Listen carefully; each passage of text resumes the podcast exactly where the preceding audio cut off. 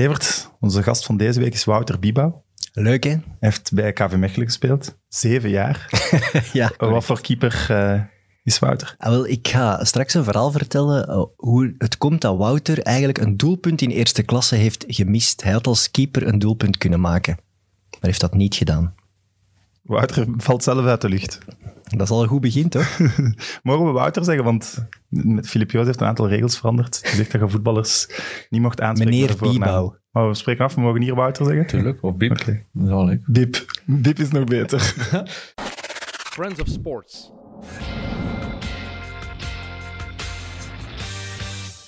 Bip, welkom in Mid-Mid. Dank u. Um, laten we met iets positiefs beginnen. Je hebt iets gedaan dat Doku nog niet gedaan heeft. Ach zo? Nu ben ik benieuwd. Anderlecht kampioen gemaakt. ah ja, tuurlijk. Er was, er was heel, veel, uh, heel veel tweets die we binnenkregen over, over die wedstrijd. Was dat ja, sportief gezien? Ik heb het ook gezien, ja. Uw beste wedstrijd? Voor alle duidelijkheid, de wedstrijd tegen Standaard in 2006. Ja, uh, ja eigenlijk wel. Ik moet zeggen, uh, dat was de wedstrijd die mij een beetje op de kaart gezet heeft. Hè. Dus heel veel mensen spreken er nog over, dat is duidelijk. Als je de reacties ziet op Twitter, ik word er nog zelf ook over aangesproken in de straat. Dus... Er waren ook veel mensen die zeiden, begin daar alsjeblieft niet over. dat waren dan de standaard. Dat zou dan inderdaad de standaard van zijn. Maar uiteindelijk, ja, was het tegen een andere ploeg geweest, uh, dan was het anders gegaan. Maar natuurlijk was dat een cruciale wedstrijd voor standaard. En dat was mijn eerste wedstrijd in eerste klasse. Dat was eigenlijk mijn debuut. Dat is toch de match van uw leven dan eigenlijk? Ja, ja eigenlijk wel. En uh, ik herinner me dat nog. Ik heb eigenlijk die wedstrijd een beetje beleefd in uh, een soort trance. ik zag precies alles een beetje in slow motion. Handig als keeper. Dat was echt. ik heb daar vroeger nog met Michel Prudhomme ook over gesproken en die had dat ook soms. Dus uh, uw niveau van concentratie is zo hoog dat je precies alles een klein beetje trager ziet. Waardoor dat ik eigenlijk altijd op de juiste plek stond of altijd de tijd had om, om die beweging te maken. Maar is dat dan in de kleedkamer al dat je dat merkt? Nee. Dat is pas nee, na in de was, wedstrijd? ja, ja, ik had dat in de wedstrijd. Zeer raar. Een raar gevoel. Als je die beelden terugkijkt, daar zaten wel echt een paar deft, allee, echt chique reddingen. Onyewu, dat is zo'n beeld ja, dat iedereen laatste, is blijven hangen. beeld natuurlijk ja. wel. Hè. Dat was uh, de mooiste. Heb je iets gekregen van Anderlecht?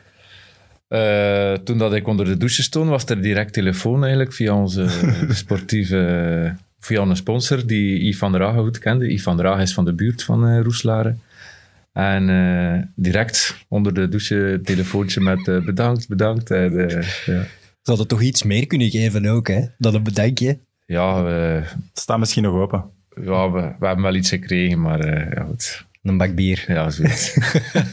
nee, maar dat was wel in een tijd, die grote strijd tussen Anderlecht en Standaard is ook een beetje daar begonnen, hè? Mm -hmm. in, die, in die titelstrijd. En daar, iedereen herinnert zich ook nog die, die penalty save voor Standaard dan. Uh, die reddingen van Biebouw. Allee, dat was zo'n tijd waarin dat die titelstrijd heel fel was. Ik heb nu soms het gevoel dat dat wat minder is. Ja. Klopt. Er is minder ja. strijd tussen twee ploegen. Ja. Allee, laatste jaren Het was ook dan nek aan nek op dat moment. Ze stonden gelijk. Anderlecht speelde op Gent, denk ik. Die speelden ook op dat moment 0-0. Dus dat Standaard... Ja, dat is de, waar dat iedereen zo aan de bank naar de beelden zit te kijken. Ja, inderdaad. Dus, en ja. wie, wie was Wouter Biebouw ook op dat moment, denk maar ik? niemand kende mij. ik, heb, ik heb gelezen, 21-jarige marketingstudent. Ja, inderdaad. Ik studeerde marketing uh, in Kortrijk. Dus ja, dat was uh, mijn eerste wedstrijd in eerste klas. En dan dag erna moest je naar, naar school. Ja. En dan? Ja, tuurlijk. Iedereen ja. kende u plots. Dat was, uh, dat was raar. Ik heb zelf een, een, een filmcrew mee gehad voor een reportage in de klas. Dus ja, dat was een beetje surreëel. Handtekeningen moeten uitdelen. Ja, ja. Heb, je, heb je die, uh, die studierichting af kunnen maken? Ja, ja. Ik heb dat diploma gehaald. Oké.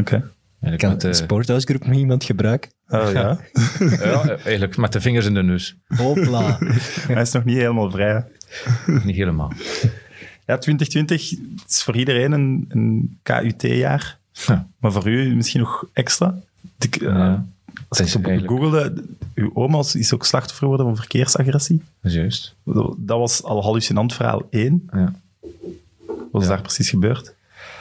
Uh, ja, het ging blijkbaar niet snel genoeg voor iemand. En uh, ze stond aan het rood licht, denk ik, of aan een kruispunt. En ze durfde niet goed oversteken. Die man is uitgestapt. Ze doet nog vriendelijk haar, ruitje, haar raam naar beneden en uh, heeft een kroket gekregen. Wat de hel. Nee, Jezus ja, Christus. Wat de hel, ja. Om, ja. ja. ja, daar kan dat met mijn verstand niet bij. Mijn oma is... eh, ja. 84 stond in Ja, artikel. ja. Dus ja. Hoe kun je het in je hoofd halen om Ja. dat te doen? Nu goed. Ik hoop dat die mens eh, zwaar gestraft wordt dan. Dat is dan het enige dat we kunnen Ja, dat hopen. wij ook. Ja. Dat is nog niks. Nee, ik weet daar nog niks van. Oké. Dat zal moeten voorkomen. Ja, het, het, andere verhaal waar ik natuurlijk op, op doelde was, was Roeselare. Ja. Eh, ik denk zaterdag definitief failliet verklaard. Vandaag of gisteren de boeken echt neergelegd. Ja, denk, denk gisteren de boeken neergelegd. Maar ik heb nog niet geen bevestiging gehad daarvan. Maar, eh, maar ja, Dus moeten de spelers die moeten niet geïnformeerd worden. ja, Volgens mij is er niemand om jullie ja, te momenteel informeren. is er eigenlijk niemand die, die eigenlijk iets weet. Ik heb onze teammanager gehoord en die wist het eigenlijk ook niet. Dus eh, ik hoop dat er wel iets duidelijk eh, wordt de komende dagen natuurlijk. hè. Ja, ik, ik ben daar eerlijk in. Ik, ik volg de kleinere ploegen niet zo hard. Eh, maar Evert heeft me gisteren een, een kleine, klein overzicht gegeven van wat er allemaal gebeurd is. Misschien moeten we dat voor de luisteraars die het ook niet tot in detail weten, even gewoon overlopen.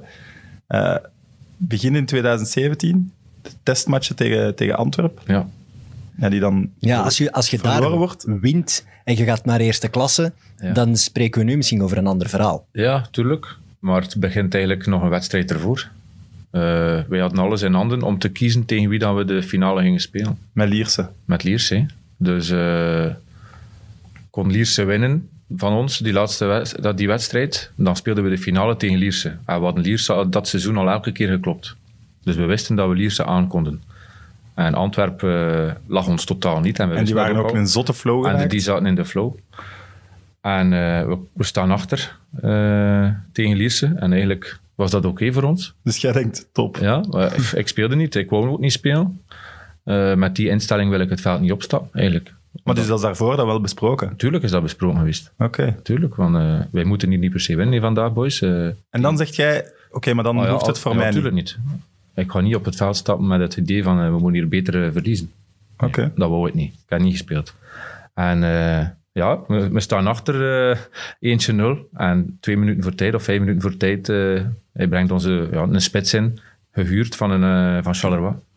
Die komt alleen voor de goal en die shot er hem in. Werd je dan blij? Blij. Heel onze bank zat er zo. Echt, dat was ongelooflijk.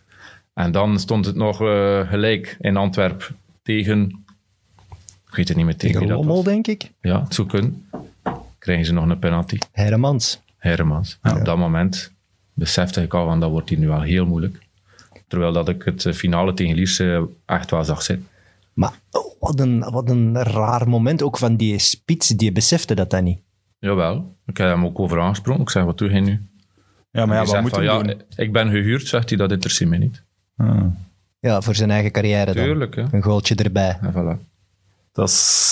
Dat is hard. Ja, maar ik snap het ook. Allee, Sam. Ja, nee, maar ja, maar nee, Het is een ploegsport, die Tuurlijk, heeft maar je komt... bij ons rondgelopen. eh, je creëert daar ook een band mee. Die weet wat dat er speelde, wat dat er leefde. Ja. Maar ik weet niet hoe heb er- ik heb het daar moeilijk mee gehad, enorm moeilijk. Ja. Maar als hij, ja, als hij in die situatie komt, Mhm. Snap ik wel dat hij die niet expres... Allee, dat kan ook voor hem persoonlijk een enorm verschil in zijn Man, dat is niet waar. Zo'n goal in een laatste competitiematch, dat maakt in je carrière geen verschil. Hè? Ja, dat weet ik niet. Ja, maar goed, die wedstrijd is gespeeld geweest en was toch op een redelijk intensief niveau. Zelf, eh, mijn vervanger heeft dan nog twee, drie goede saves gedaan uiteindelijk. Allee, dat moet me ook wel toegeven. Ja. Het ligt lag niet alleen aan die spits. hè. Dus eh, ja, Krijg je daar niet veel vragen over dan, waarom je niet wou spelen? En... nee, dat is, op dat moment was dat wel een beetje duidelijk. En zeker van onze supporters toe, van ja, zij hadden ook liever dat het tegen Lierse was. Ja. Maar dat is dan toch heel raar dat je als ploeg niet kunt beslissen om te verliezen. Want je hebt het ge- geprobeerd het wel, maar het lukt niet. Ja. Dat was misschien een beetje tweestrijd in de club, in de ploeg. Wouden we echt wel overgaan? Hè? Dat vraag ik me dat soms ook wel af. hè. Want eh, als ik zo... kwam aan de rust natuurlijk ook even nog, nog in de kleedkamer. eh, en dan zag ik de trainer zeggen, kom aan, kom aan, kom aan. En dan... Ja, En jij dacht, hm, dan van, hè? Ja, raar. Maar daar is het eigenlijk een beetje, ja... Al misgegaan om te kunnen promoveren dat jaar. Tegen een ploeg waar je de hoop de finale van te spelen, kun je niet verliezen als je wilt verliezen. Ja, dan had ik er wel altijd tegen willen staan in de finale. Ja. Maar was de ploeg dan eh, ja, te sterk samengesteld? Ze zijn daar te veel financiële risico's genomen? Of totaal niet? Hoe bedoel je? Nou, Roeselaren had op dat moment wel een goede ploeg. Echt, Voilà, hè. een goede ploeg, Goede ja. transfers gedaan. Maar wel geen ja, maar zotte bedragen. Dat weet ik Nee, niet, nee, maar nee. misschien in salarissen, Nee, nee, nee. in, in salarissen Totaal kan dat wel natuurlijk. salaris. We hadden geen... nee, nee. Want dan zou je kunnen zeggen, ja, het feit dat ze daar niet zijn opgegaan, heeft dan voor een put gezorgd die dan later niet meer overbrugbaar was. Maar dat is dan eigenlijk, Nee. daar ligt eigenlijk de oorzaak niet. Nee. Los nee. van dat het beter was om op te gaan, Ja. tuurlijk, maar... Goh, het heeft andere redenen gehad eh, dat het eigenlijk beginnen minder draaien is. eh, de Chinese eigenaars, eh, ja, anderen inderdaad wel redelijk wat centjes instoten. We hadden heel veel premies dat jaar, dus ze moesten echt wel... Want de Chinese eigenaar, dat is dan die Miss, Miss Dai was dat. Miss Dai, ja, die zat er dus- toen al bij de, Ja, ja, ja. Bij de finale. Ja. Oké. Want ik ben toen eigenlijk in augustus toegekomen, omdat zij... ja, zij wou er mij per se bij. Ik ben van Oostende gekomen. Dat is hallucinant verhaal 1. Die vrouw, ook eigenaar van, van Reading dan. Ja. De familie is Ja, eigenaar de van familie. Ja, Ja. maar ik denk dat het ook van de familiepot kwam. Ze zit ook Nu daar inderdaad van bestuur van Redding, dus ze zal er wel iets te zeggen hebben. Mhm. 10 miljoen geïnvesteerd. Denk het, zoiets. ja. In totaal, over al de jaren heen, bij Roeselare. En niemand kan eigenlijk zeggen nu wat het plan was, of waarom dat, dat gebeurd is, of wat de bedoeling met Roeselare was. Of... Eh, toen dat ze met mij kwamen spreken, wouden ze binnen de vier jaar in 1A zitten. Dat was de bedoeling. Dus eh, ze zijn stap per stap. Maar dat eerste jaar hebben we al de finale kunnen spelen. En dan hoop je natuurlijk de, de jaren daarna te kunnen eh, ja, stappen verder zetten. Maar daar is het eh, ergens mislopen. Nee? Maar als je 10 miljoen investeert in een 1B-club, Ja. kun je wel een goede ploeg op de been brengen, maar dan ten opzichte van de rest nog, nog altijd niet goed genoeg. Ja, maar ik moet zeggen, eh, het eerste jaar van die 1B, want dat was het eerste jaar dat wij dan die finale gespeeld hebben, was dat nog oké. Dat, was het- dat was een beetje zoeken. Maar in de jaar 2, jaar 3 en jaar 4 zijn die budgetten zo snel naar boven gegaan, omdat er, ja, eh, Leuven kwam daarbij met Leicester, eh, ja, Union nu. En natuurlijk, er is heel veel concurrentie. Acht ploegjes, je staat direct beneden, of je doet direct mee om over te gaan. En iedereen wil zwaar investeren. Hè waren eigenlijk verplicht om, om heel veel geld eh, in de club te steken. Ja. En had jij dan ooit contact met die Miss Dai?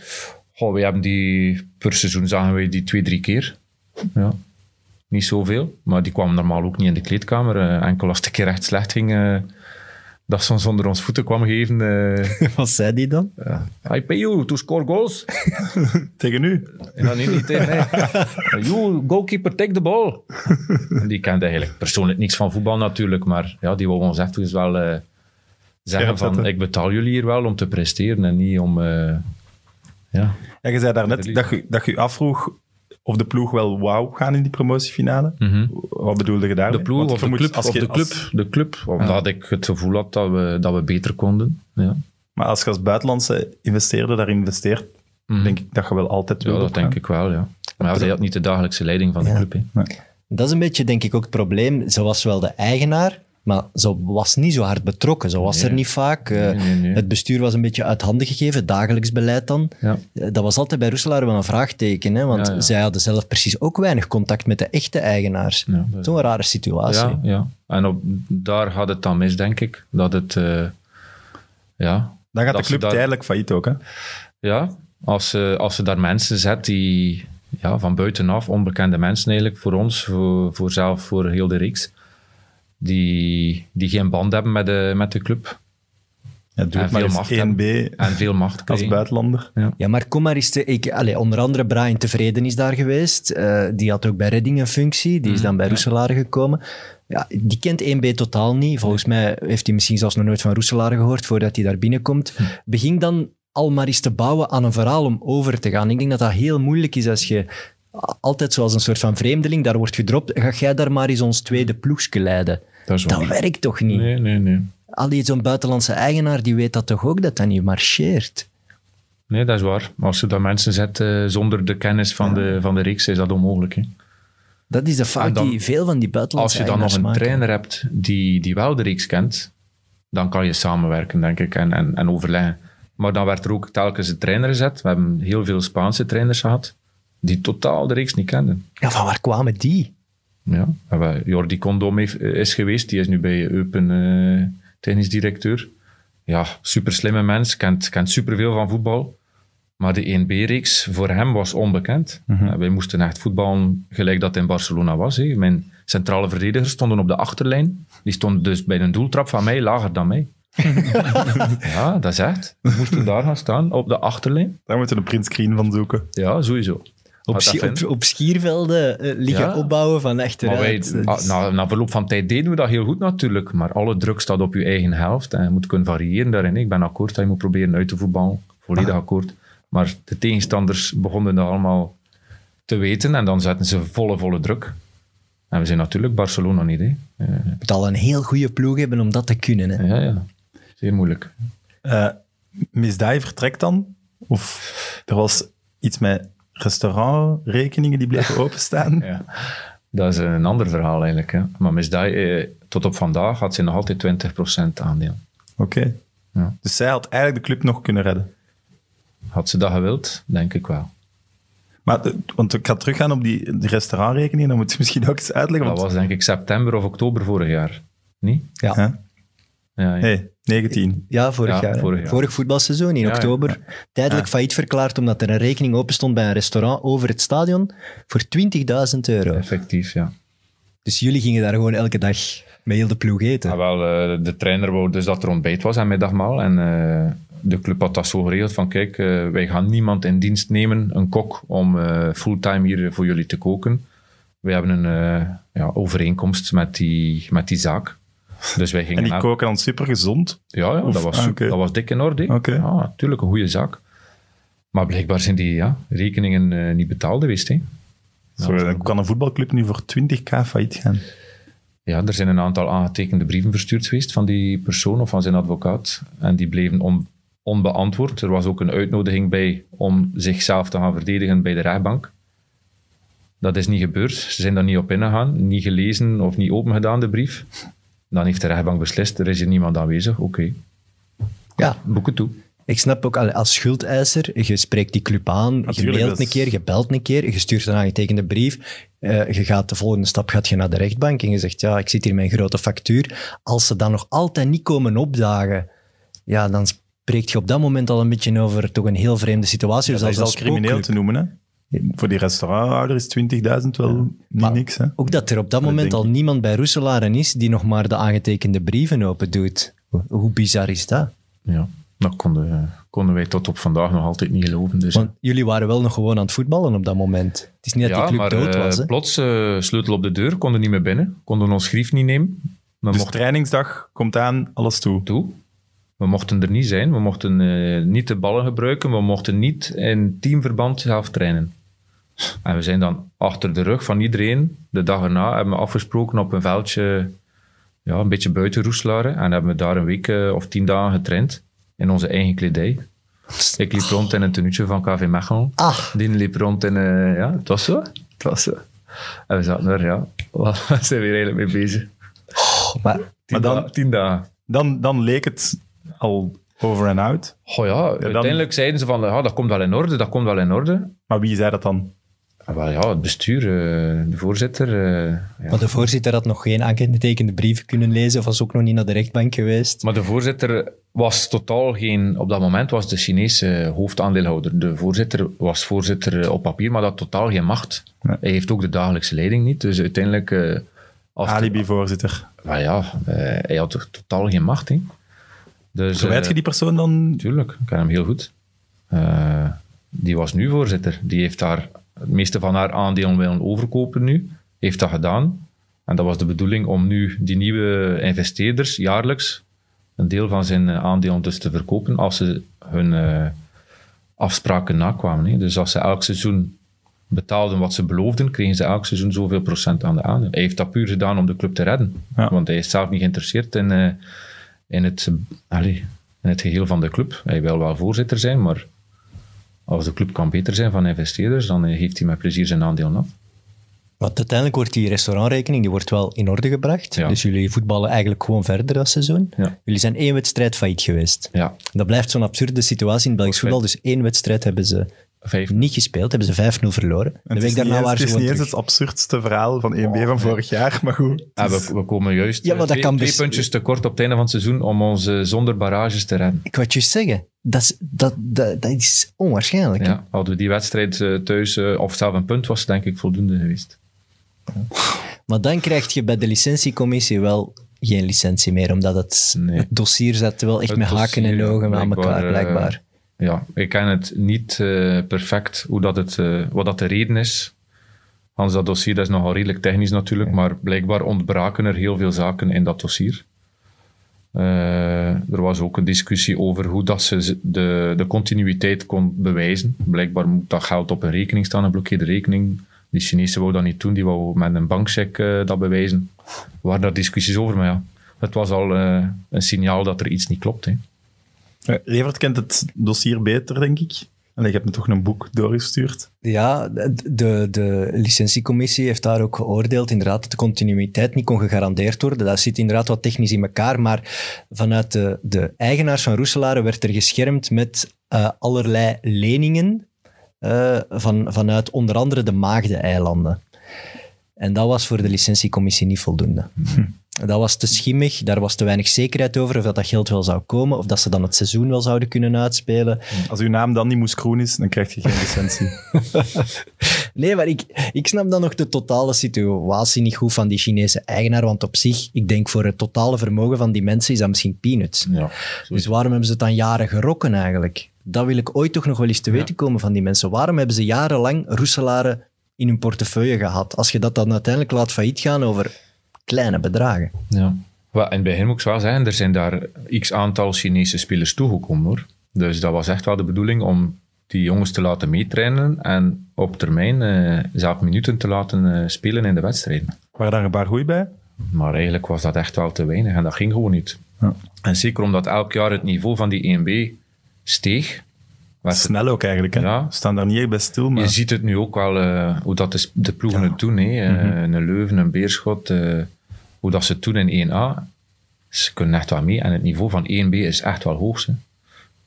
Dus, terug, terug naar onze tijdlijn, dan We zijn er bijna. lic- licentie, ja, maar Ja. ik vind het absurdste moet nog komen. Maar Ja. Jullie mogen het zelf uitleggen, maar de, de licentie wordt dan niet gekregen. Dan komt er een, een initiatief van een aantal zakenmensen uit de omgeving die de club willen redden. Ja, Evert, misschien moet jij het vertellen. Ja, dus als je geen licentie krijgt, is het duidelijk. Dan moet je naar de amateurreeksen. En in deze was dat dan eerste amateur. En eerst was de vraag, zal Roeselare überhaupt nog aan het seizoen beginnen? En dan ergens in juni duikt het nieuws op dat er nieuwe lokale investeerders zich verzamelen om die club te redden. Dat ze een doorstart kunnen maken in eerste amateur. Juni is één maand voor de start van het Ja. seizoen. Dus goed nieuws. Maar door corona natuurlijk dikke- was het toen al. Toen al duidelijk dat het seizoen iets later ging beginnen. Dus allee, ze hadden wat tijd. Maar het was een leuk initiatief. Er stond ook een bekende naam op. Hè, Diederik de Grijze, of de Grijze, ik weet niet hoe dat je het moet zeggen. De Grijze, De Grijze. Ehm, is in Roeselare he- heel bekend als commercieel directeur van de volleybalploeg. Hè, is dat jarenlang geweest. Dus dat dat is is heel mooi neergezet. ja, voilà. hè. Is, is betrouwbaar, ook voor mensen uit Roeselare, denk ik, die zeggen, ah, als die meedoet, ja, dan zit er echt wel een kans in.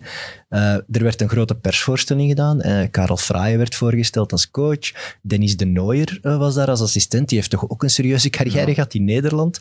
Wim Hofkes was daar. Die heeft de Europa Cup gewonnen met KV Mechelen. Stijn Meer, denk ik, was er ook. Allee, dus allemaal echt wel voetbalmensen eh, die zich daar samen kwamen presenteren. Dus je denkt op dat moment, Russelaan is vertrokken. En daar begint eigenlijk het vreemde verhaal. Ja. Want wordt een sportief directeur aangesteld. Helemaal links op de persconferentie zat een zekere Jolan Funt of Funt of Funt, een Antwerpenaar, een jonge gast, eh, 25 denk ik.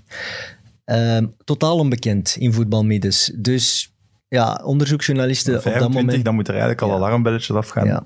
Je begint raar. wat te googlen, zou je denken. Eh, je, zou, je zou eens kunnen navragen of dat de credentials dat die man opgeeft, of dat die wel kloppen. Is blijkbaar allemaal niet gebeurd. Eh, mensen waren misschien heel goed gelovig, maar wat blijkt dus dat die mens, of die man, die Jolan, is gewoon een fantast. Die heeft heel zijn leven bijeen gelogen. Eh, die zal mentale problemen hebben, vermoed ik dan. Maar die heeft dus alles wat hij daar aan Roeselare verkocht heeft, bijeen gelogen. Dus niets van wat die man heeft gezegd is waar. Die heeft dat twee maanden, drie maanden kunnen rekken tot hij begin september in de gevangenis is terechtgekomen voor zedenfeiten. Eh, wat dan nog losstaat van wat hij bij Roeselaren heeft gedaan, maar wel een beetje schetst hoe die man in elkaar zit. Ja, het hele En dan- feiten zijn... Nee, die verhalen dat dan in kranten kwamen. Ja, nu komt alles... Jeugdspelers ja. die, die geen contract kregen als ze geen vieze dingen met hem deden. Eh, leningen die konden afgelost worden als je maar even langs zijn bureau kwam, voor, ook weer voor vieze dingen.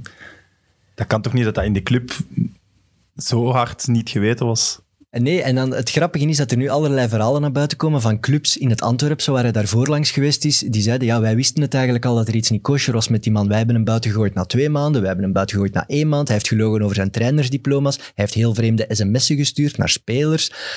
Dan denk ik, ja, hoe, hoe komt dat die mensen dan niet gaan communiceren? Waarom stappen die niet naar de politie? Waarom sturen die dan niet door naar Roeselare? Van, eh, wij hebben gezien dat jullie die gasten hebben. Eh, dat is niet Ja. Allee, bon, ik, ik vind het een heel rare situatie, maar het kan dus in Belgisch voetbal dat je je als sportief manager eh, en eigenlijk bijna eigenaar van Roeselare binnenlult.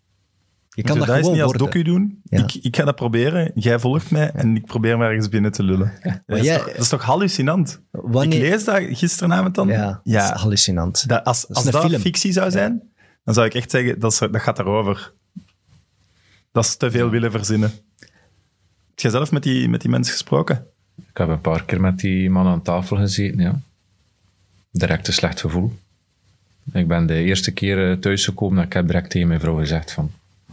Wat een rare mens. Dat klopt niet. En eh, wat, wat deed hij dan speciaal dat je... Gewoon oogcontact. Had hij niet.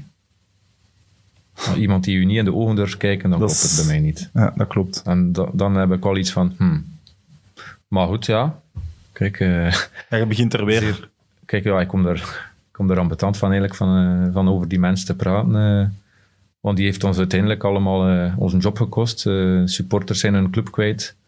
De mensen die er werkten zijn allemaal hun job kwijt. Eh, Als je één grote schuldige moet zeggen, dan zeg je sowieso hem. uiteindelijk wel, maar ik kan mij eigenlijk amper inbeelden dat hij dat alleen gedaan heeft. Ja, pas op, zo'n mensen Wie die... heeft er al die documenten vervalst? Kan hij dat? Ik weet dat niet. Er is dus een onderzoek, er zal een onderzoek eh, komen, niet waarschijnlijk. Dus. En documenten vervalst zijn dan sponsorcontracten, Ja, spelerscontracten. Wa- vooral de sponsorcontracten. Ja. Spelercontracten zijn niet vervalst. Hè. Die zijn opgesteld en zijn getekend met zijn hand. Dat is geen probleem. Dat is Zo, als, je, geldig of niet geldig. Maar die sponsorcontracten zijn effectief. maar als je zo commercieel directeur bent bij een, bij een grote volleybalploeg, toch, moet je die sponsorbedragen en sponsorcontacten toch iets van know-how hebben om dat, om dat door te prikken. Ja. Zie ik dat zo dubbel, dubbel checken. Als iemand afkomt met eh, ik heb die sponsor en die sponsor, dan vraag je toch af, hoe kan dat? Wij zitten al jaren in het Belgisch voetbal. Het is niet zo gemakkelijk om sponsors te vinden. Plots komt een man daaraan voor eerste amateur dan nog van ik heb sponsors genoeg, eh, we gaan een goede ploeg samenstellen, we gaan allemaal spelers tekenen. Dan denk je toch, misschien moet ik eens een paar van die sponsors beginnen opbellen en een keer checken of dat, dat wel klopt. Ik vind dat raar dat je dat niet doet. Dat is een beetje nalatigheid. Ik snap dat je in een soort van goedgelovigheid, je wil het beste voor die club. Eh, maar ja, het is wel ergens nalatig, denk ik, door niet alles te controleren waarmee die, die meneer Funt is afgekomen. Allee, als ze tegen, morgen tegen u zeggen, ik heb hier iemand gevonden die 500.000 euro in een eerste amateurploeg steekt, dan denk ik, hè, Ja, zeg tuurlijk. zeg je zot? tuurlijk. Ik denk dat dat ook is wat, wat Biep bedoelt. Dat is ja, wat dat mijn frustratie is. Van hoe kan dat dat die man zoveel, ja, eigenlijk de sleutels van het huis gekregen heeft. Hè? Van kijk, doe maar. Op 25 maar- jaar maak maar, eh, toen. Maak maar een ploeg.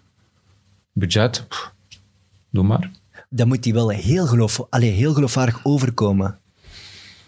Uh, Hij had hem meteen niet. Ja. maar Diederik wel. Ja. Begrijp je? Dus de voorzitter of het bestuur heeft vooral samengezeten met Diederik. Hè? En eh, ja, Diederik is waarschijnlijk dan ook misleid geweest. Eh, hoe dat het precies in elkaar zit, durf het niet zeggen. Ik weet het zelf niet. Eh, maar Maar heb je het gevoel dat Diederik zijn rol dan ook niet proper was? Of dat weet ik totaal niet. Dat weet ik eigenlijk niet. Nee. Ik kan mij Hij dat beweert, bijna hij niet beweert van, kijk, ik heb totaal niks te maken met die oplichting. En eh, ja, Ja, het zou ook niet slim zijn om nu tegenovergesteld te zijn. tuurlijk, natuurlijk. tuurlijk. Eh, Jij denkt van wel. Nee, ik, ik, ik, kan mij niet voorstellen dat iemand die, Nee, die, Die zo'n zo- naam heeft Met zo'n naam, ja, tuurlijk. Dat, eh, dat, zou, ja, dat zou het ergste zijn eigenlijk. Maar eh, ja, het is gewoon frustratie van, kijk, hoe, hoe komt dat die Jolan zoveel, zoveel macht gekregen heeft en dat dat nooit... Allez, we hebben verschillende malen ook, en via, vooral via de trainerstaf, aangegeven van het klopt, klopt niet, niet, het kan niet, wat gebeurt er hier allemaal? Er werden spelers gehaald die eigenlijk niet gewenst waren, die allemaal een goed contract kregen. En ja, de trainer heeft dan maar een accentkern opgericht voor al die jongens in te steken. Die moesten trainen, die moesten in de club zijn van Jolan. En die kregen allemaal contract, maar we waren er niks mee. Dus, allee, eh, constant over gediscussieerd en gebeld. Dit kan niet, dit kan niet. En ja, die heeft heeft niks mee gedaan. Alles bij elkaar gelogen. Dus hij heeft ook tegen die spelers gelogen. Hij had hij waarschijnlijk van alles beloftes gemaakt om daarvan alles van gedaan te krijgen. Of, en die moesten dan bij Roeselare komen, terwijl Roesela- Roeselare al een kern had. Een, een, een, een raar verhaal ook is bijvoorbeeld op een gegeven moment staat er een Range Rover met Engelse nummerplaat eh, op de parking. Ja, En eh, hij weet alles. Hij weet echt alles. Geen daar, zorgen. eh, er waren drie Engelsmannen en er was één Engelsman bij en die had blijkbaar aan die Jolan eh 50.000 euro betaald om aandelen te krijgen in eh, CVBA Roeselare. En die mocht dan ook meteen een directeursfunctie krijgen. Dus, maar dat was allemaal fake natuurlijk. Hè. Die Jolan had ook die mensen er weer ingeluisterd. Die man was met heel zijn familie naar Roeselare verhuisd. Die had zijn job in Engeland opgegeven. En die stond daar op de parking en die zegt, ah, ik ben hier hè, jongens, ik ga een voetbalclub leiden. Ja, dan ga je wel heel, heel ver hè, in je leugens. Je wordt er echt nerveus van, hè? Ja. Ja, ik zit al wat rechter. hè. Ja, want- Ja, maar ik wist niet dat je die verhalen ook allemaal kende, maar eh, inderdaad, eh, ik heb dat ook gehoord. Hè. Dus eh, ik heb die mensen daar langs, de, langs het veld zien staan zelf. Die zijn een paar trainingen komen kijken. En, ja, zeer raar verhaal. Hè. Maar eh, ja, wat was zijn bedoeling dan om snel die 50.000 euro in zijn zak te steken van die meneer en dan van die spelers eh, wat geld te verdienen? Maar ja, dan moet hem Ja. toch op een... Allee, dan moet het plan zelfs geweest zijn om ooit gewoon te vertrekken naar het Ja, buitenland te gaan, want daar komt toch nooit plan? mee weg allemaal. Je komt daar nooit niet meer Nooit. uit, denk ik. Nooit. Ik Dus dan denk is hij eenmaal- ofwel ja. zo... Ja, mentaal gek dat hij- dat niet hij- wat dat de bedoeling was. Ja, Ik begrijp het echt niet. Maar waarom, en- waarom, waarom? En nu? Ja, we hadden het daarnet net voor de uitzending even over. De, de accommodatie Ja, is top. Het stamnummer komt vrij. ongelooflijke accommodatie. Welke club heeft zijn A-veld? Daarnaast direct twee oefenvelden. En daarnaast dan nog een keer een heel jeugdcomplex met vier velden, waarvan één kunstgrasveld. En ze liggen allemaal ongelooflijk goed momenteel. Ja, het, is, het is zonde om dat zomaar eh, te laten verloederen. Hè. Is er nog iets? Speelt er al iets eh, om, Ja, om ik ergens heb- terug te Ik heb beginnen? wel gehoord dat er bepaalde clubs geïnteresseerd zijn om eh, iets in Roeselare te doen. Maar wat dat er precies dan eh, zal doorkomen, dat weet ik niet. Er zijn een aantal clubs in de, in de regio natuurlijk die, willen die uitbreiden. willen uitbreiden en die dat misschien wel zien zitten. Ja. Ja, iedereen zegt dan Mandel United. Die, die hebben een ledenstop, eh, als ik het goed voor heb, bij de jeugd. Natuurlijk, ja. De Dus jeugd. die Die zouden... in Roeselare loopt een beetje leeg natuurlijk. Het is nog niet duidelijk of dat ze zullen kunnen doordoen of niet. Dat zal de curator dan beslissen. Maar natuurlijk, heel veel jongens proberen nu al eh, ergens anders onderdak te, te vinden. Hè. Ja, het seizoen is begonnen. Mhm, Tuurlijk. Eh, het is, het is Ja, nu dat of- is ook de dooddoener voor ons geweest. Hè. Had dit allemaal twee maanden eerder uitgekomen van die Jolan, dan had de club misschien nog eh, ja, een aantal weken meer gehad om een oplossing te zoeken. Nu moest het zo snel gaan dat er geen enkele partij zei van oké, we springen. Hadden ze een week of vijf, zes gekregen om, om dat te onderzoeken en om Hans die boekhouding door te leggen en, en echt te zien van kijk, het gaat ons zoveel kosten, we kunnen dat investeren. Maar nu moest alles in een week geregeld zijn en het was onmogelijk. Hè. En voor u persoonlijk? Ja, uiteindelijk eh, zag ik mij... Ik had een tweejarig contract getekend en eh, ben 36. Ik wou sowieso nog doordoen. Ik ben ook topfit eigenlijk. En eh, Voor de luisteraars, dat kan ik bevestigen. Het ziet er heel scherp uit. ja, ja, scherp zeker. Nog deze week. Eh, maar ja, ik had een keer dat heel graag eh voortgedaan bij KSV Roeselaar, maar dat, dat zal jammer genoeg stoppen. Hè. maar toch nog niet einde carrière nu. Er moet toch nog Nee, een had- mooier einde ja. zijn dan. Ik had een vraag van, van, van Jelle Ruts. Is er interesse van een 1A of 1B-club? Tja, ja, er is vage interesse, maar er is totaal nog niks concreet. eh. Ja, iedereen heeft zijn ploeg ook al een beetje... Dat is een beetje het probleem. Hè. Dus ja, er gaan voor mij drie opties zijn. Ofwel eh, kan ik ergens fulltime tekenen als, als doelman. Ofwel had moeten zakken en eh, combineren met een job. Dan, meer s'avonds trainen en wedstrijden in het weekend. Dus parttime, semi-prof. Ofwel stop ik volledig en ga ik echt iets anders gaan doen. En waar gaat nu de voorkeur naar uit? Ja, ik zou graag nog twee jaar prof blijven. Hè. Dat is Ja. wel duidelijk. En een, en een rol als tweede keeper. Ja, tuurlijk. Eh, is dat in de 1A of 1B, eh, wil ik zelf die rol eh, opnemen. hè. Ik ben 36 jaar. Op het moment dat ze mij nodig hebben, ga ik er sowieso staan. Dat weten ze wel.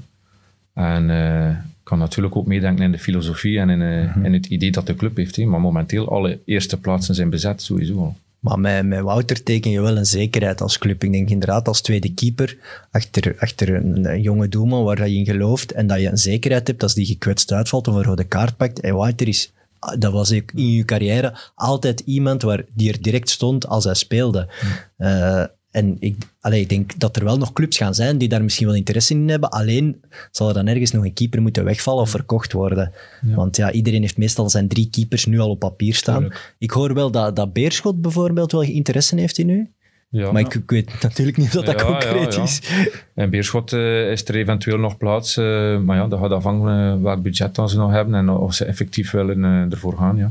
Want bijvoorbeeld Bram Castro is ook een doelman op leeftijd. Ik denk dat hij zelfs eh 8 of 39 jaar is. Die is tweede doelman bij Oostende. Dus- en dat is ook zo iemand waar je altijd op kan rekenen. Is een slimme gast. Die gaat geen rumoer maken in de kleedkamer. Die kent zijn job. misschien zelfs, misschien zelfs Ja, voilà. rust inbrengen. Ja, dus voilà. En, en dat- zo'n rol is, is voor Wouter ook op het lijf geschreven. En daarom is het nog meer kloten. Had dit het in juni gebeurd, had hij altijd een club gevonden, dat- denk ik, in de Ik ben er ook profreeks. van overtuigd, ja, dat denk ik wel. Nu, het kan nog, hè. het kan nog tot en met oktober. Ja, en- ben er- in principe ben ik vrije speler. Ja, voilà. Maar ik kan ook geen half jaar niet meer alleen op mijn eentje. Allee, Ik ben wel van plan van nu kijk, vanaf volgende week ergens te, te gaan trainen om mijn conditie te onderhouden. Eh bij een lokalere ploeg. Maar eh, ja, je kunt dat geen half jaar niet meer volhouden. nee. Tuurlijk. Ik heb ook, ja. En de andere spelers uit de kern, wat hoor je daarvan? Want die moeten, er zitten ook jonge gasten bij. Ja, tuurlijk. Ja, iedereen volop aan het zoeken natuurlijk. Hè. Maar we wachten echt wel op ons eh, officieel ontslag. Vooraleer dat je ergens anders kunt tekenen. Eh, en dat zal eind deze week of begin volgende week het geval zijn, denk ik. Eh, dus ja, iedereen is op zoek. We hebben echt wel een aantal goede spelers lopen. Maar ja, het wordt overal niet gemakkelijk. Ja. Steven Kerkhoven vroeg zich af of dat je ooit met een buitenlandse ploeg gesproken hebt. ja. Een keer met eh Ofi Kreta. Oké. En uh, Gattuso was daar toen trainer. Wauw. Ja. En waarom niet gedaan? Eh, goh, dat seizoen, op het einde van het seizoen zijn ze zelf failliet gegaan. Oké. En ik had dat al een beetje opgevangen dat de, de financiële situatie dan niet zo rooskleurig was. Nochtans, het voorstel was wel correct, maar als je naar daar trekt, moet je al een beetje Ja. zeker zijn van kijk, ik ga, ik ga, ik ga je centen zien. En eh, ja, ik heb dat dan uiteindelijk niet gedaan. Axel Vos vraagt zich af of je spijt hebt van je transfer naar Oostende. Nee, nee. Uiteindelijk, eh, ja, kreeg geen verlenging in, in Mechelen. En eh, Dat weten vaak fans niet, hè? Nee. hoe, hoe het Maar- verhaal effectief Nee, is. ik kreeg geen verlenging. Ja, Olivier Renard werd eh, technisch directeur bij ons, sportief directeur. Die is jaren mijn concurrent geweest. En natuurlijk jaren hem zitten pushen en pushen om zijn plaats af te nemen, zo gezegd. hè, om het cru te zeggen. En toen wist ik al eigenlijk van, ja, oei. Dat gaat moeilijk worden om hier te kunnen bijtekenen nog. En dan kwam Oostende op de prop. En dat was die periode met Koeken. Alles was, eh, was mogelijk, alles kon. En eh, voor mij was dat dan eigenlijk ergens de, de juiste stap, omdat dat ook terug in West-Vlaanderen was, ergens waar mijn roots toch liggen.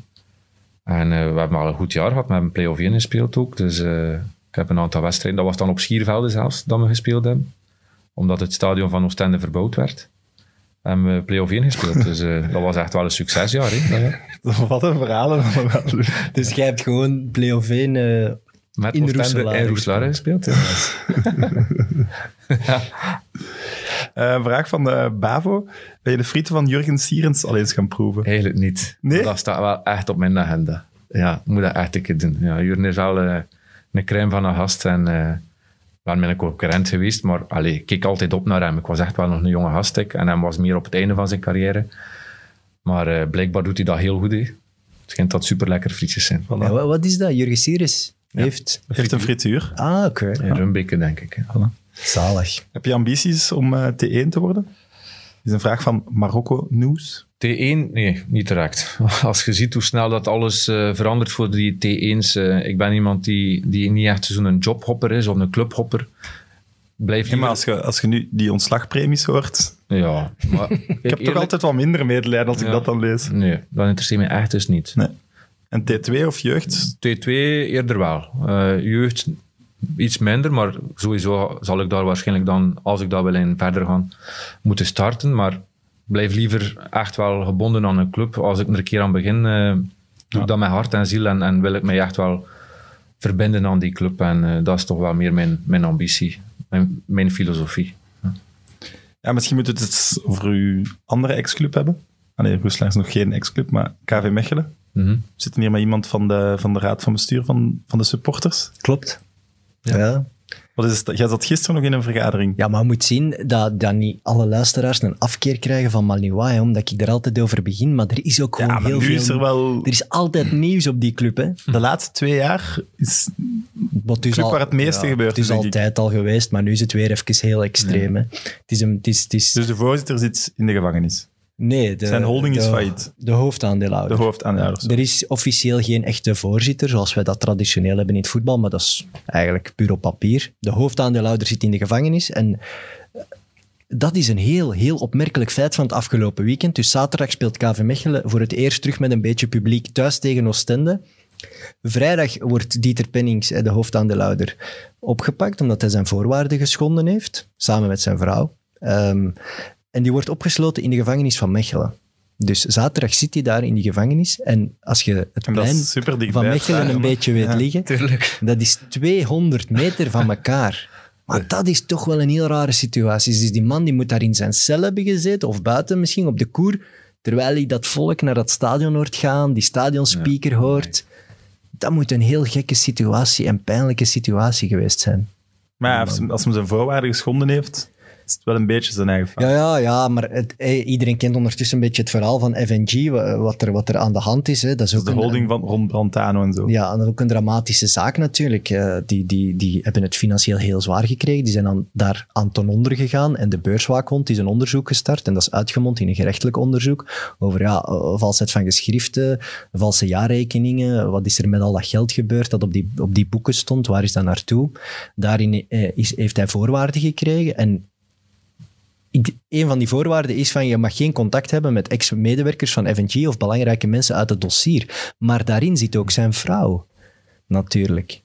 Want zijn vrouw was ook mede-aandeelhouder Maar van was het, FNG. het schenden van de voorwaarden was zijn vrouw. Dat wordt gezegd. Ik kan het niet 100% zeker zijn, maar een van de voorwaarden kan geweest zijn dat hij zijn eigen vrouw niet meer mocht zien. En dan wordt het natuurlijk heel moeilijk. Dat kan Eh, ja. Ja, maar ja, zo, zo absurd zijn de situaties dan. Hè? Amai. Dus dan, dan heb ik al wel meer eh, begrip voor die man. Dat is gewoon niet, soms niet houdbaar wat hij allemaal doormaakt. Ondanks eh, het gerecht moet uitzoeken wat hij verkeerd heeft gedaan, zeker weten. Maar voor hem persoonlijk is dat echt wel een drama. Ik heb met die man een paar keer samengezeten, gesproken. Dat is echt wel een Malinois-man. Dat mogen we niet vergeten. Pro of anti? Ja, nu, al- als, als supporter zeg ik dat het nu best is dat hij natuurlijk uit het organigram van de club verdwijnt en in het beste geval ook zijn aandelen doorgeeft. Hoe dat, dat dan moet gebeuren, daar heb ik ook nog een mening over. Maar vooral voor die man is dat echt wel een drama. Die zit echt ook in de gevangenis. Net als Olivier Somers in de gevangenis heeft gezeten, net als Patrick de Koster nu in de gevangenis zit. Dat blijven persoonlijke drama's. Niemand wil daar zitten. Nee. Natuurlijk. Eh, d- dat, dat, dat blijft. Dat is ook een echte Malinois-man. Dat is niet gespeeld geweest. Die heeft jarenlang op de, in de gewone familietribune gezeten met zijn kinderen. Dat is, eh, allee, dat is echt een KV Mechelen fan. Dat is niet gelogen aan heel het verhaal. Natuurlijk zitten we nu met een groot probleem. Hij heeft 70% van de club. Ehm, en hij zit in de gevangenis. Het gaat zelfs zo ver dat er een contactverbod is met de club. Dus eh, ja, dat is heel moeilijk. Hij mag geen contact hebben met KV Mechelen. Hij kan, zijn, hij kan zijn aandelen dus ook niet uitvoeren. Hij kan daar niks mee doen. Hij kan niet naar de raad van bestuur. Dat mag allemaal niet. Hij mag zelfs zijn advocaten niet naar de, de raad van bestuur sturen. Die mogen ook geen contact hebben met de club. Ja, Huh, dat maar komt- waarom zou een advocaat dan niet mogen? ja dat, dat is dat blijkbaar... dan onrechtstreeks zelf contact is. Ja, ik ken al die regels Maar- niet, maar via die advocaat kan hij natuurlijk ook nog bepaalde informatie doorgeven. Dus het gaat wel heel ver. Het, het zit dan- eigenlijk helemaal vast. Dan zit, ja, dan zit Mechelen ook muurvast. Ja. Transfers en zo. Je kunt toch geen transfer doen zonder de goedkeuring van Maar 70% van de- Transfers is nog het minste van onze zorgen, want op zich is de club eh, qua ploeg zit het helemaal vol. Er is trouwens ook geen geld om nu nog een bijkomende transfer te doen.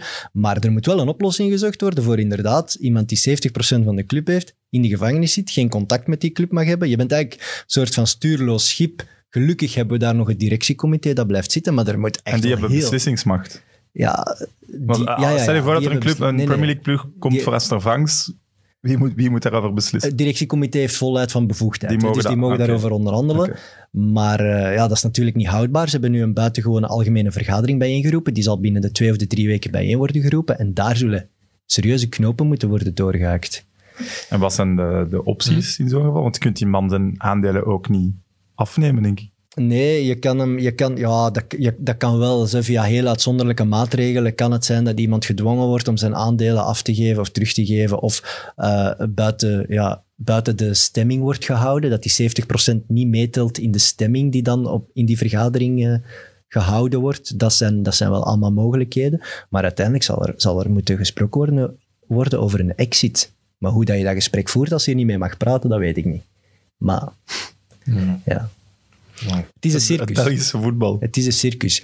Wat Maar ik ga- ook- gaan, gaan ze het redden? Hoe schat je de kansen in? Als club, ja. Ja. maar dat is het bizarre. Want er is ook geen geld. En, allee, Nee, er is geen geld, maar dat komt natuurlijk... eh, we weten allemaal wat er gebeurd is. We hebben een nieuw stadion gebouwd en we zijn tegelijk gedegradeerd en we hebben tegelijk propere handen gehad. Dat was een enorme samenloop van omstandigheden, waardoor dat KV Mechelen nu iets van een 35 miljoen schulden heeft. Maar operationeel draaien ze dit jaar en vorig seizoen winst. Dit jaar In corona. gaan ze weer afstevenen op winst. Die winsten zijn beperkt, maar er wordt winst gemaakt. Dus operationeel zit die club eigenlijk redelijk goed in elkaar, net door het heel strenge beleid dat er de laatste twee jaar financieel gevoerd is. Je ziet het ook aan de transfers. Alles wat we doen is gratis of gehuurd en alles wat we verkopen is, is hopelijk voor veel geld, gelijk een cabaret. Dus wij zijn al financieel redelijk goed bezig sinds dat we uit 1B vertrokken zijn.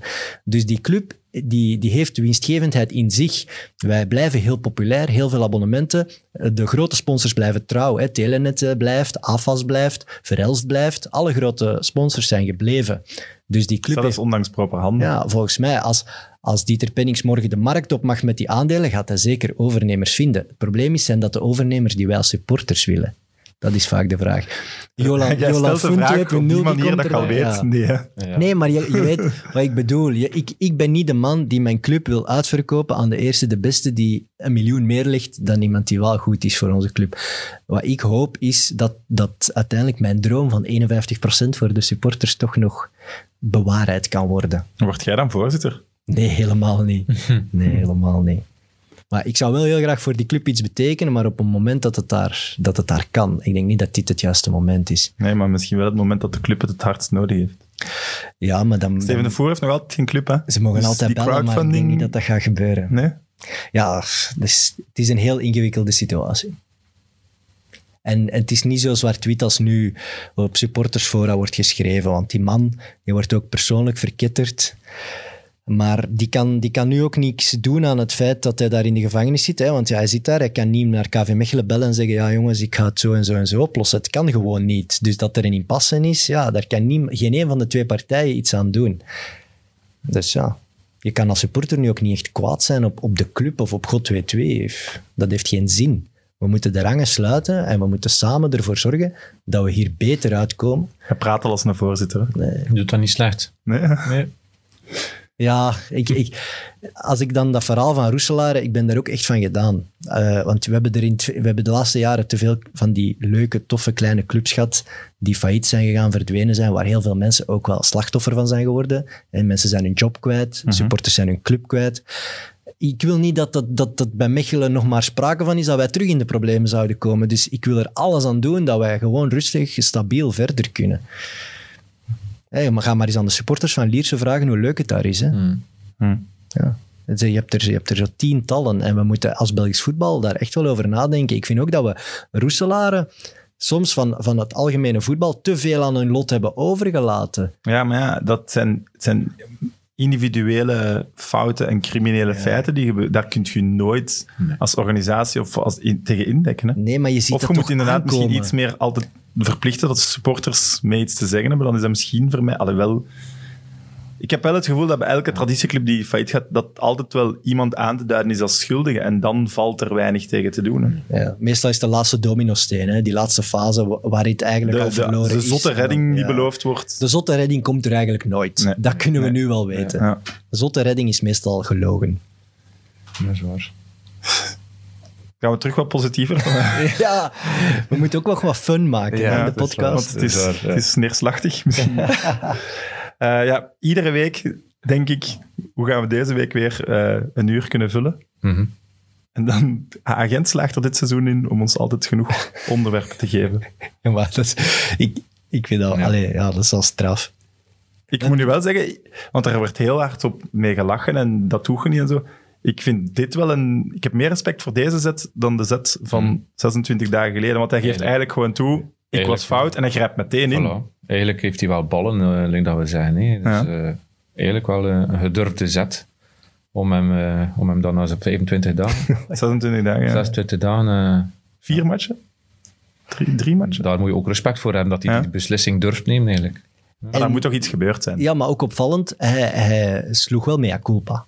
Eh, Ivan de Witte ja. dan, hij sloeg wel mea culpa en nam de schuld op zich. Dus Ja. ik kan daar, allee, sorry, daar kan ik alleen maar ook wel respect Ja. voor hebben. Tuurlijk, Ja. tuurlijk. En als hij dat goed heeft doorgenomen met Beleuni en ze hebben dat proper opgelost, is er geen probleem. Hè. Mhm. Het is heel Tuurlijk. spijtig, eh, maar als ze er als grote mensen uitkomen, is er geen probleem. Ik heb gisteren, ik denk dat het gisteren was, Vive le Velo gezien met, met Erik van Looy. En die kent iemand dicht bij de omgeving van Beleuni blijkbaar. Die zei dat hij er wel echt van aangedaan was. En Ja, dat dat, snap ik. ja, dat is wel een karaktermoord op zo'n grote trainer in Belgisch Ja, ja. voetbal. Dat mogen we wel echt Ja. stellen. Het is niet zijn fout. Hè. Nee. Ze, hebben, ze hebben op dat moment gekozen voor een profiel van trainer zoals het zijne. En Maar dit plakt wel- Nu dit komen ze daarop terug. plakken, hè. Ja, uiteindelijk... eh, ze wisten waar dat ze in huis gingen halen. hè. Eh, dat is even eh, een mis, eh, nu? inschatting. Hoe moet je het nu doen? Die Franke gewoon laten, denk ik, als ik gisteren de match zag. Dikker. Ah, de Dekker, sorry. Ja, maar, Franke, Franke was voor zelfs. Ja, de, nee, maar de Dekker heeft altijd wel al bewezen dat hij iets in zich heeft. Hè. Ik bedoel, hij heeft bij Antwerpen een enorm knappe prestatie geleverd. Hij heeft van Beleuni heel veel kunnen leren. Dus ik- waarom niet? Misschien, Je kunt hem nu toch niet nog eens opzij schuiven. Nu, Nee. Ik heb het gevoel, en dat leidde ik ook een beetje uit de persconferentie af, dat ze hem wel die kans gaan geven. Ik denk eh, meer dan terecht ook. Eh, je kunt dat alleen maar aanmoedigen ook. Het is een Vlaamse trainer, eh, jonge trainer. Waarom niet? Die heeft al veel ervaring opgedaan de laatste jaren. Hij is met Antwerpen over geweest, in de finale tegen Roeslaren. Eh, maar eh, ja, inderdaad. Hij heeft al veel geleerd en ik denk dat hij er wel klaar voor is. Waarom niet? Ik ben het daarmee eens.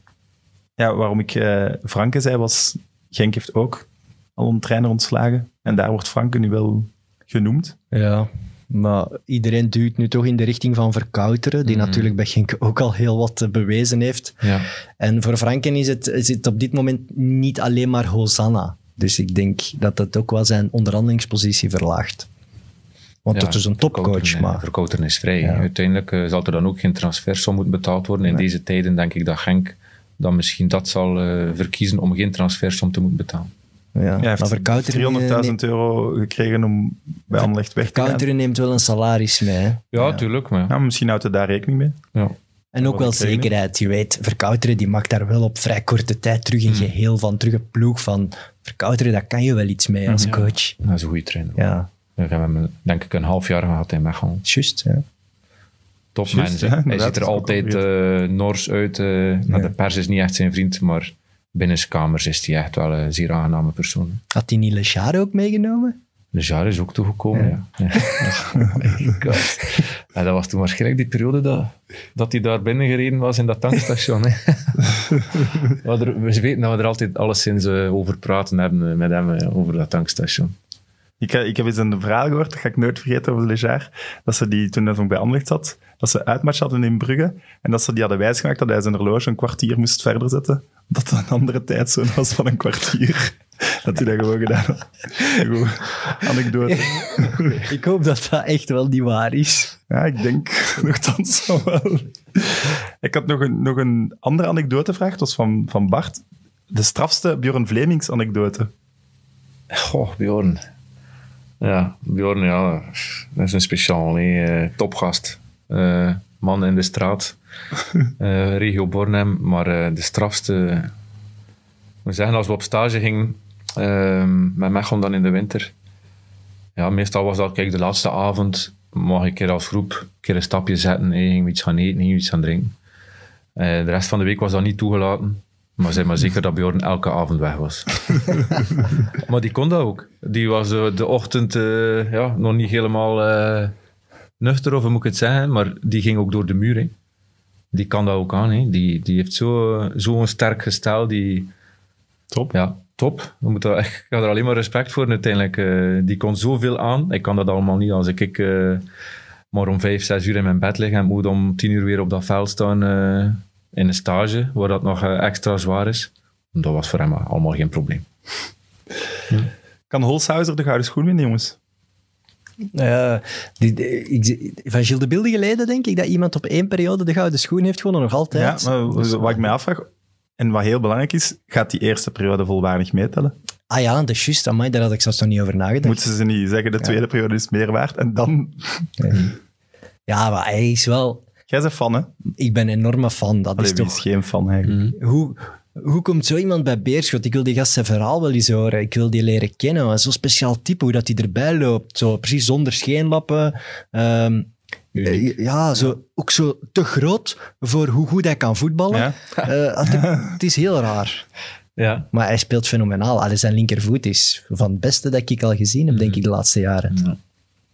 Hey, als Ja. doelman ook. Ja. Elke corner kan ook binnenvallen. Hè? Vorig jaar eh, tegen ons ook, eh, denk ik, in één wedstrijd twee assists op vrije trap. Beetje identiek zoals het doelpunt dat ze nu scoren op vrije trap, dat eh Bourdin, denk ik, Ja. aan de eerste paal binnenkomt. Dat is echt typisch. Ik wist op voorhand, als ik die fase zag, ik zei, je gaat hem daar leggen. En het gebeurt zo. En ze trainen er natuurlijk ook heel veel op in, maar ik kan die bal zo snel met zo'n curve brengen, dat het heel moeilijk is als verdediging om, eh, om erop te verdedigen. Ja, schitterende voetballer, sowieso. Maar moet Beerschot niet vrezen dat hij eh, nog weggaat? Die, die zijn contract loopt blijkbaar af in de zomer. Dus daar zal nu eh, goed onderhandeld Ik worden, dat, denk dat ik. wel zwaar onderhandeld zal worden. Ik denk ook dat hij de man wordt die Altijd dit jaar nog een, nog een Olympisch doelpunt maakt. Dat is lang geleden, Ja, maar kan. ik denk dat hij, hij gaat dat doen. Ja, dat kan. Oké. Eh, even naar het buitenland nog. We gaan nog kort houden, maar hebben jullie het debuut van Kastanje gezien? Ja, ik heb zijn goal gezien. Oké. Het was- Ja, dan ben ik al super blij voor die gast. Hè. Oké. Als je voor zo'n transfersom gaat en in je eerste match doet je dat, dan weet je dat de fans voor, is vertrokken dan, hè? voor tien weken al mee zijn. Ja. Ja. Eh, Rob is een aftocht gezien dan? Dat vind ik altijd zo raar. Dat kan ik eigenlijk ook niet echt goed begrijpen. Ik had daar hetzelfde gevoel als bij, bij Company, was dat ook. Ja. Die mannen die zitten aan het einde van hun carrière, die hebben op het allerhoogste niveau gespeeld. Ik ken waarom je lichaam dat- niet ja. beter. Dat Of waarom niet- kun je dat niet begrijpen, dat hij dat nog doet, dat jaartje? Ja, dat kan ik wel begrijpen. Ja. Als je het mist en je voelt van ja, het kan eigenlijk wel nog fysiek. Maar eh, blijkbaar was hij dan direct na de wedstrijd of na zijn douche direct naar huis, eh, zonder boe of ba.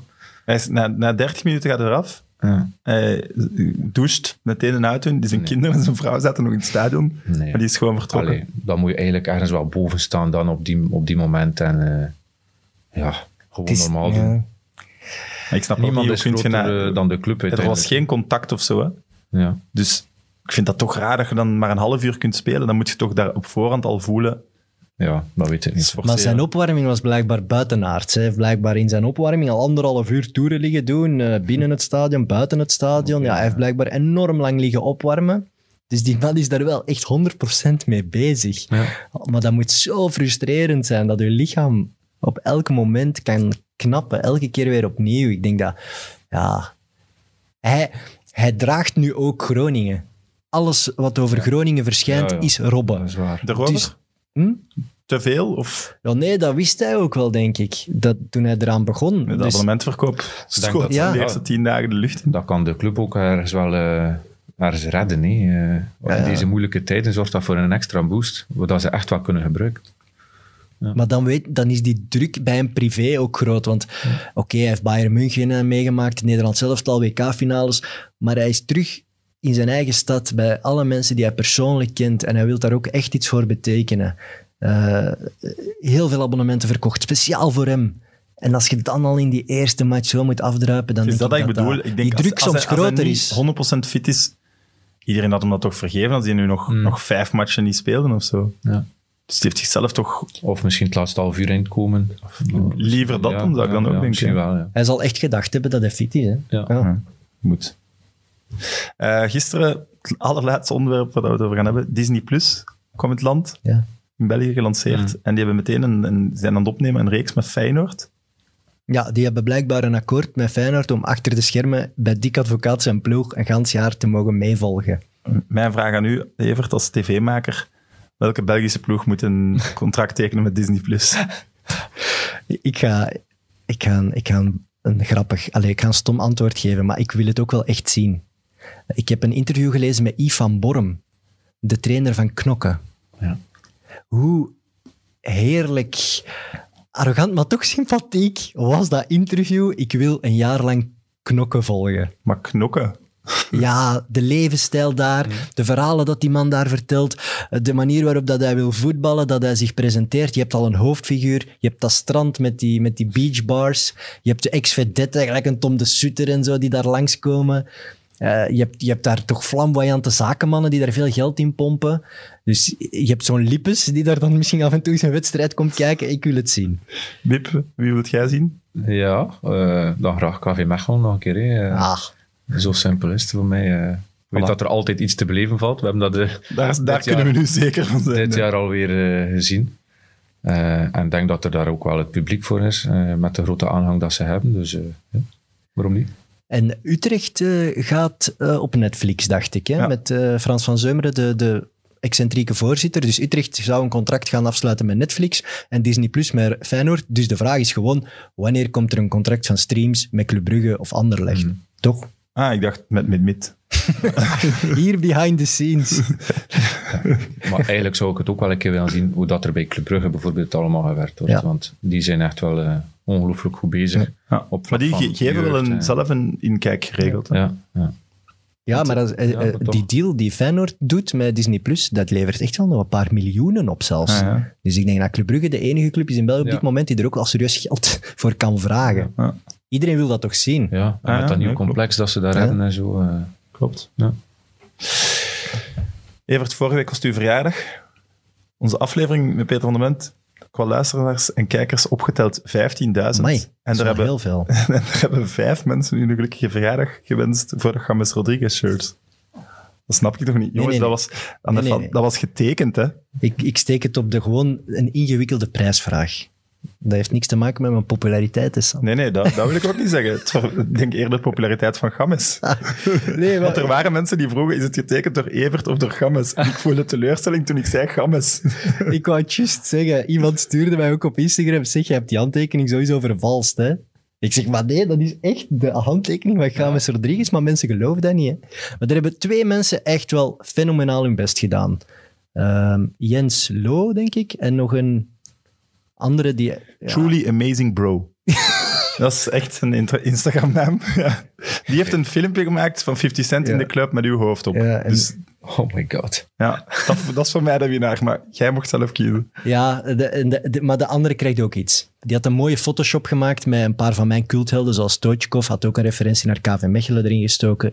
Die gaat eh, mijn magazine Geel en Rood krijgen, die eerste editie. Ja. En de, de true, de broman daar, die wint... Truly amazing bro. Die Die moet ons dus op Instagram sturen voor zijn ja, adresgegevens. die wint het shirt van James Rodriguez met wel degelijk de echte handtekeningen. Oké. Geen giveaway eh, deze week. Wel, morgen is Kick and Rush terug. Maar ik heb, de- ik heb nog mijn verhaal, hè. Over de eerste speeldag van de Premier League.